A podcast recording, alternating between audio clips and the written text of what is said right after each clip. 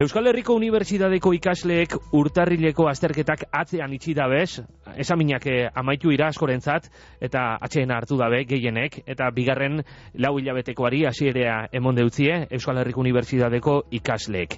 Ekainean, ebau, edo selektibidade probea etorriko da, baina hori lekutan, eh? askorentzat bagilean izango da hori. Alan dabe, suposatzen dut Euskal Herriko Unibertsitateko errektoretzan urrengo ikasturteari begira egongo dirala, Euskal Herriko Unibertsitateko Bizkaiko kampuseko errektore ordea, Gorka Moreno, egunon eta ondotorri. Ni esker, egunon guztioi. E, Bizkaiko kampusean, ate irekien eguna, e, seselian, otzailean izango da, otzailaren amarrean hain zuzen be, sarrikoko fakultadean eta abando ibarrako Bizkaia aretoan. E, tatorren urteko nobedaden artean, Gorka, zera ikatuko zeunke? Bueno, gu unibertsitate generalista garen einean, ba, e, arlo ezberdinetako graduak e, nola baitere planteatzen ditugu, edo eskaintzen ditugu, eta egia esateko, ez da, e, urrengurteari begira, ba, bueno, badaude nobedadeak. Logikoa denez normalean graduko eskaintzan gauza mantendu egiten dira, posgradukoan aldaketa gehiago egoten dira, baina bueno, azpimarratzekoa dira, ba adibidez Gipuzkoako kanpusean eskainiko den logopedia gradua, ez? Hor bazegoen eh, azkeneko urteetan eh, eskaera bat logopedia inguruan gradu bat izateko, jendea kanpora jun behartzan eh, ikasteko eta orduan ba logopedia gradu hori e, eskainiko da gauza berrien artean eta gero bestetik argi dago azkeneko urteetan e, irakaskuntza dualari garrantzia eman diogula eta hortan jarraitu egiten dugu eta bueno ba den artean daukaguna da ere aurten lehenengo aldiz eskaini egingo dira bai gradu dualak eta nazioarte mailakoak alegia gradu bat lortzea beste kanpoko unibertsitate batekin urte bat gehiago inda eta gurearekin. Mm Zeintzuk unibertsitate gaz, eh, sabizi hartu monetan, nazio arteko gradu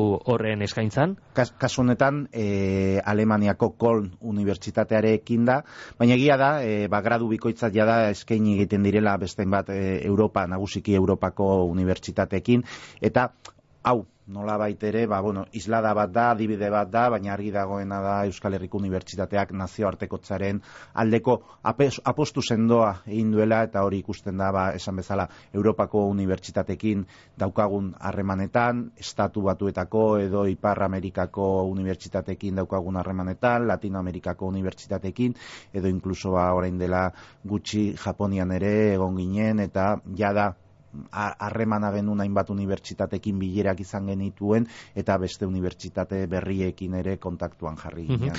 E, logopedia gradua itatu dozu, logopeden alkargoak e, aurton gainera esan dau, ba, osakidetzan oso logopedak itxi dago zala, e, sektore pribaduan askoz begei jau, eta logopeden beharra gero eta agerikoa dala e, Euskadin. Em, Zantzu horretan, zabalduko dozuen donostiako gradu barri horretan, batetik, zenbat plaza eskiniko dozu ez, eta klaseak be euskeraz izango dira? Bai, klaseak e, euskera izango dira.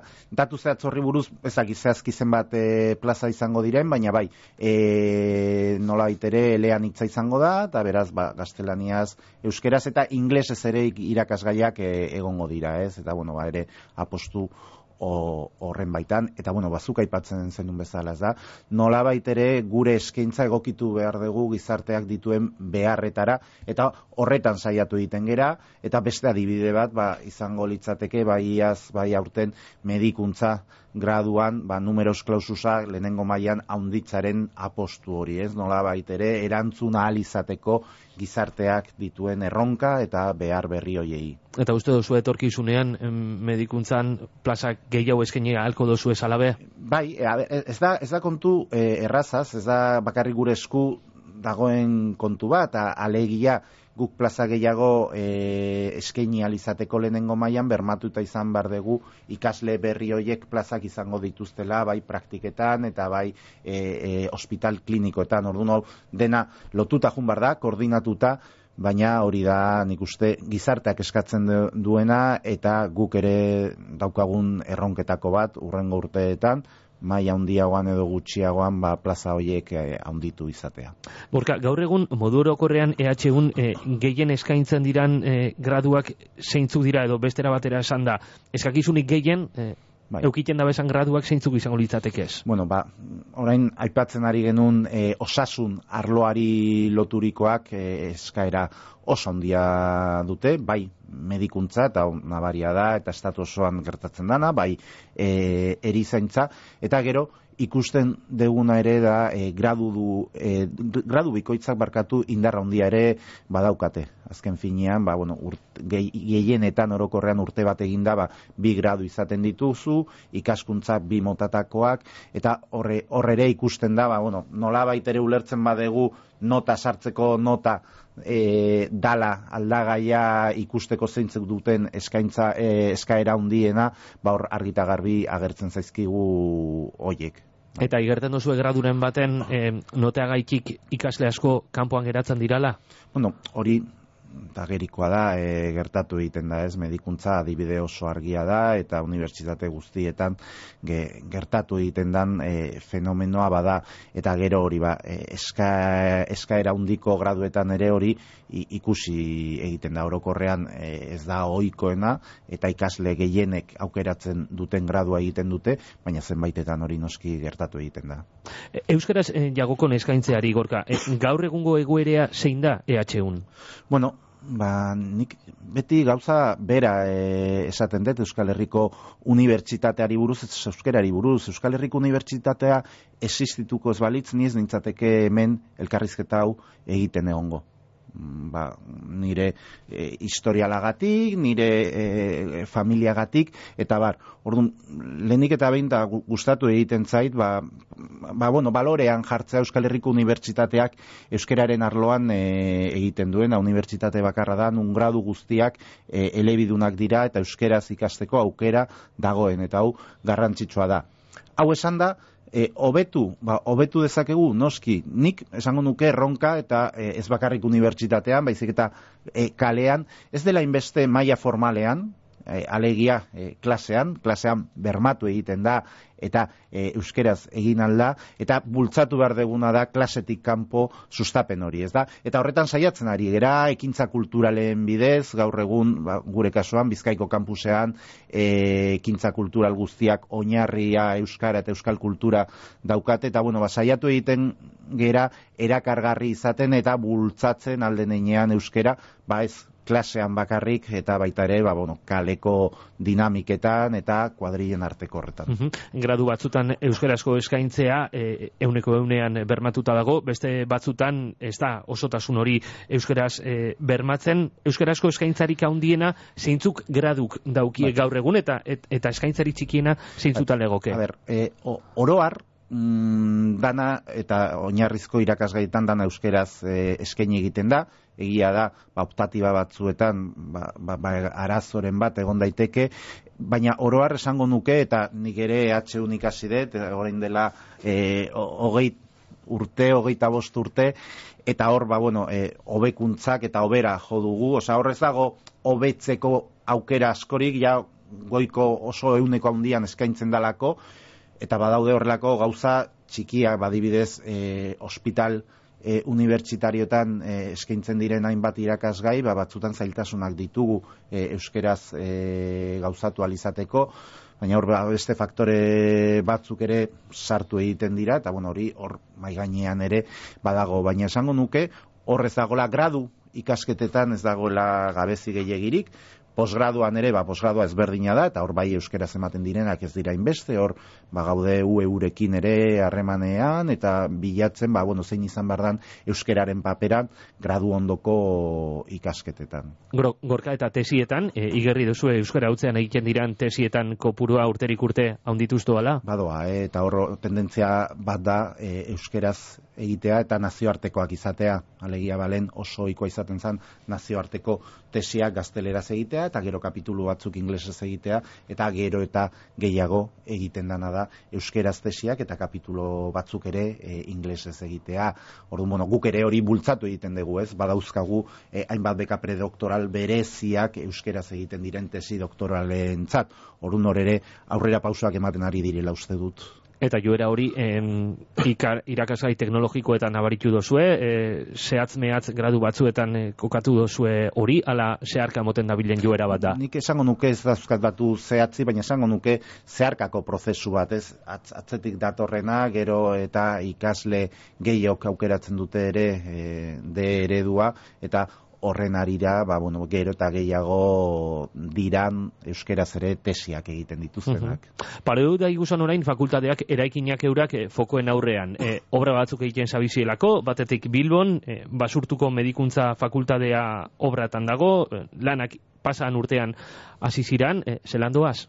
Ba, ondo, ondo, ba, betire, ba, etxean obrak egiten ditugun bezala, ba, bueno, kalean ere, ba, ba, badituzte bere, bere komeriak, baina ondo dago, ezin dugu ere aztu ze zonaldean gauden, e, errepideak eta trafiko handiko zonaldea da, etxe bizitza asko eta bizilagun askoko zonaldea da, eta ondoan zer daukagun, ospital bat langileekin eta erabiltzaileekin. Beraz horrek beti e, ez dut esango zailtasunak ekartzen dituela, ze hori bagenekien eta horiek ere aurretik aurre ikusita zeuden, baina egia da ba horrek eskatzen duela batentu berezia e, obrak egiten direnean eta sortu daitezken molestiei horiek kontrolatzeko eta horretan gaude e, printzipio sobrak bere denboran badoaz, e, egin dira ba esaten bezala lehenengo zuloak egiten e, hasi dira eta gauzak ondo junezkero ba hiru urteko epean eraikina eginda egongo zan, alegia ustaian lehenengo harria jarri zan, 2008an, beraz pentsatzekoa da, ustaian hor,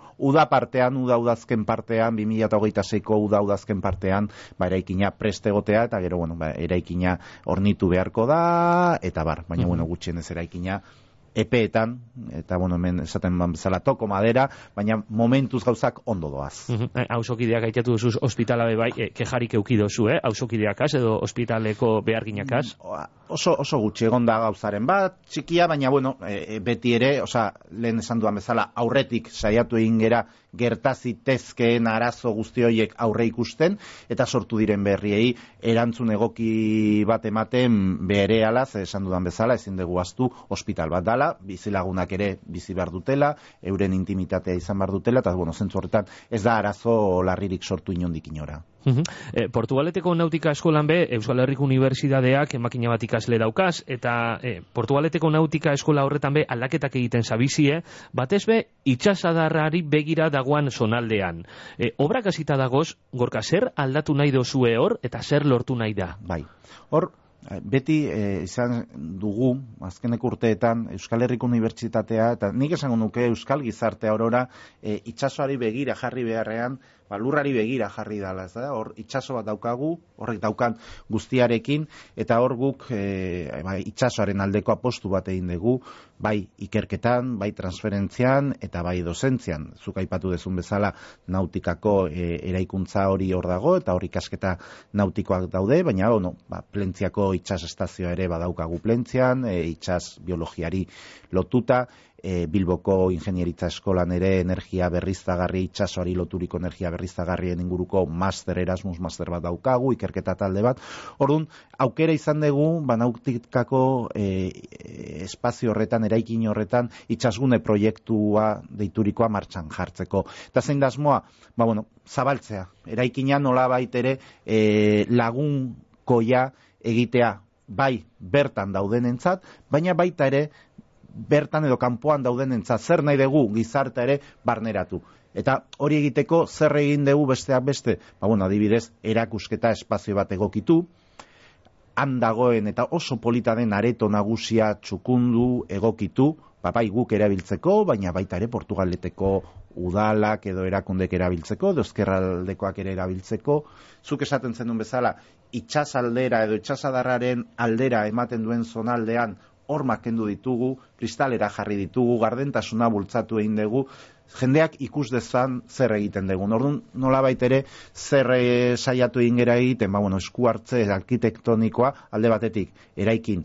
Gero eta energi, en, efizientzia energetiko hobeagoa izateko, renarira ere energia hidrotermikoa jarri dugu, itxasoari begira ere, itxasoko ura hartzen dugu, eta udan hotzago edo pelago dagoenez, ba, ozteko, eta neguan aldiz, itxasoko urrorekin, ba, bero, e, berotu egiten dugu, ez da, orduan, epeldu egiten da. Orduan hor badago apostu bat, da, transferentziarako, eta esan bezala, obrak e, amaituta daude, eta nik espero dut, ba, inaugurazioa urrengo hilabetean zehar e, egin alizatea. Urrengo hilabetean zehar, e, otzailean zehar. Hori da. Uhum. Portugaleteko antxinako ondartzaren ganean, ondala makina bat amarka da, e, eraiki zan, nautika eskola hori, hormigoizko eraikin itxia zan, eta tira, ba, hortxe, gorkak aitatutako kristalera horrek e, e, hasi dira, ja, bestelako ikuspuntu bat eskaintzen.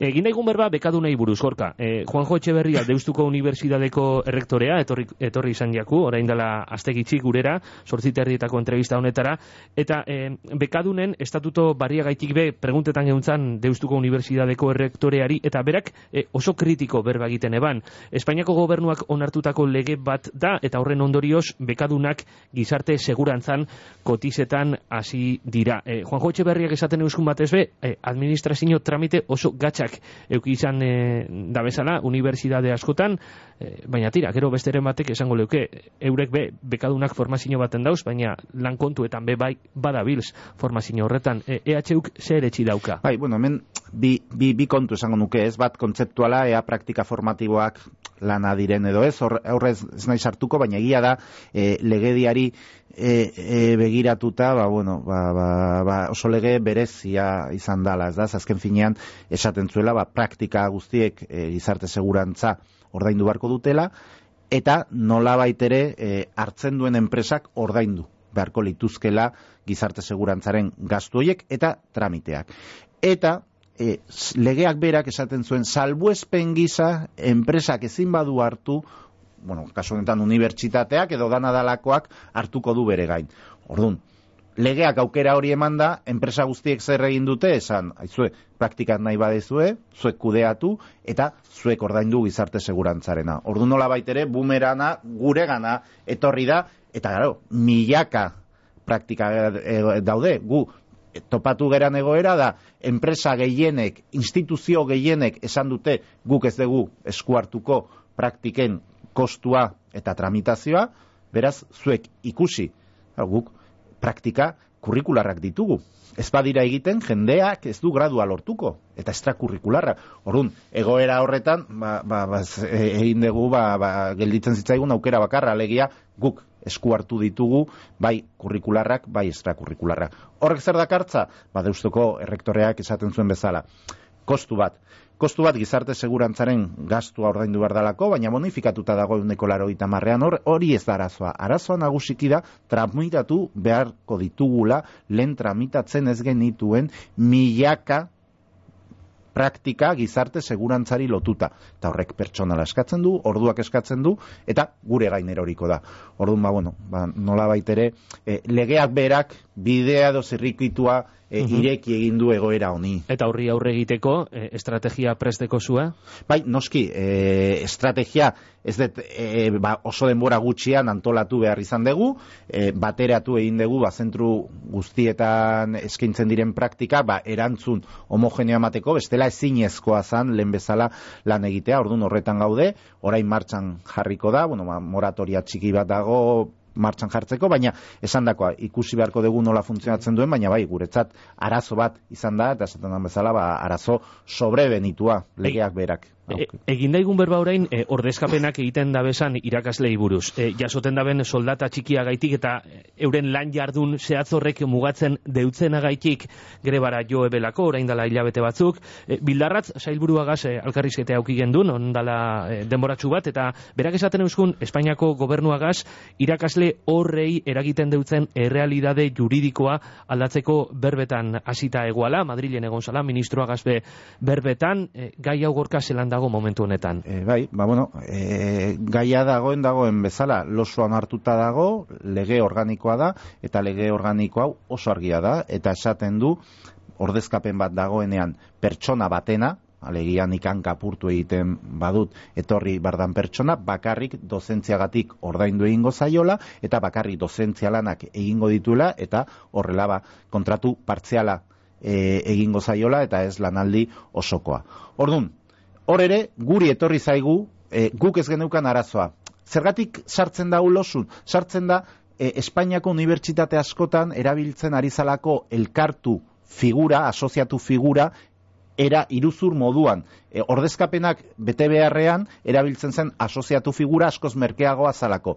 Hori arautzeko hausartzen da, eta gainontzeko unibertsitatentzat, Espainiako gainontzeko unibertsitatentzat berri hona dana, guri arazo bat sortzen dugu. Bilarratzek esaten euskun Madrilera joan zala ministroagaz sensibilizazioa lantzeko helburuagaz eta e, Euskadi begirako salbuespen baten bila e, zer lortu dauela jakin dozue? E, nik dakidanez ez dago aurrera pausorik eta guk gure bidea bilatzen ari dugu horri konponbidea egiteko eta zein da konponbidea ba, legeak artikula batean bai aukera ematen du e, ez pertsonen e, ordezkapena baizik eta bakante edo plazen e, ordezkapenetan bai lanaldi osokoak. Zer da, bakante bat, badibidez, jubilazio bat e, etorkizunera begira edo horrelakoak. Ordun saiatzen ari gera, e, sail guztiekin batuz eta ikusi eta zeintzuk diren euren behar izanak, ba, jubilazio hoien gainean ikusita zen jubilazio egongo diren etorkizunak horren gainean plazak ateratzen lanaldi osokoak, ba nola baiteko eragin hori alden eta gehien e, leuntzeko eta murrizteko talden eta txikiena izateko. Ba, Gorka Moreno, goizoko beratzitarako lau minutu. Plazerra betiko lezugaz berbaitea, urrengor arte ondo izan. Berdina, nahi duzuen arte, eskerrik asko.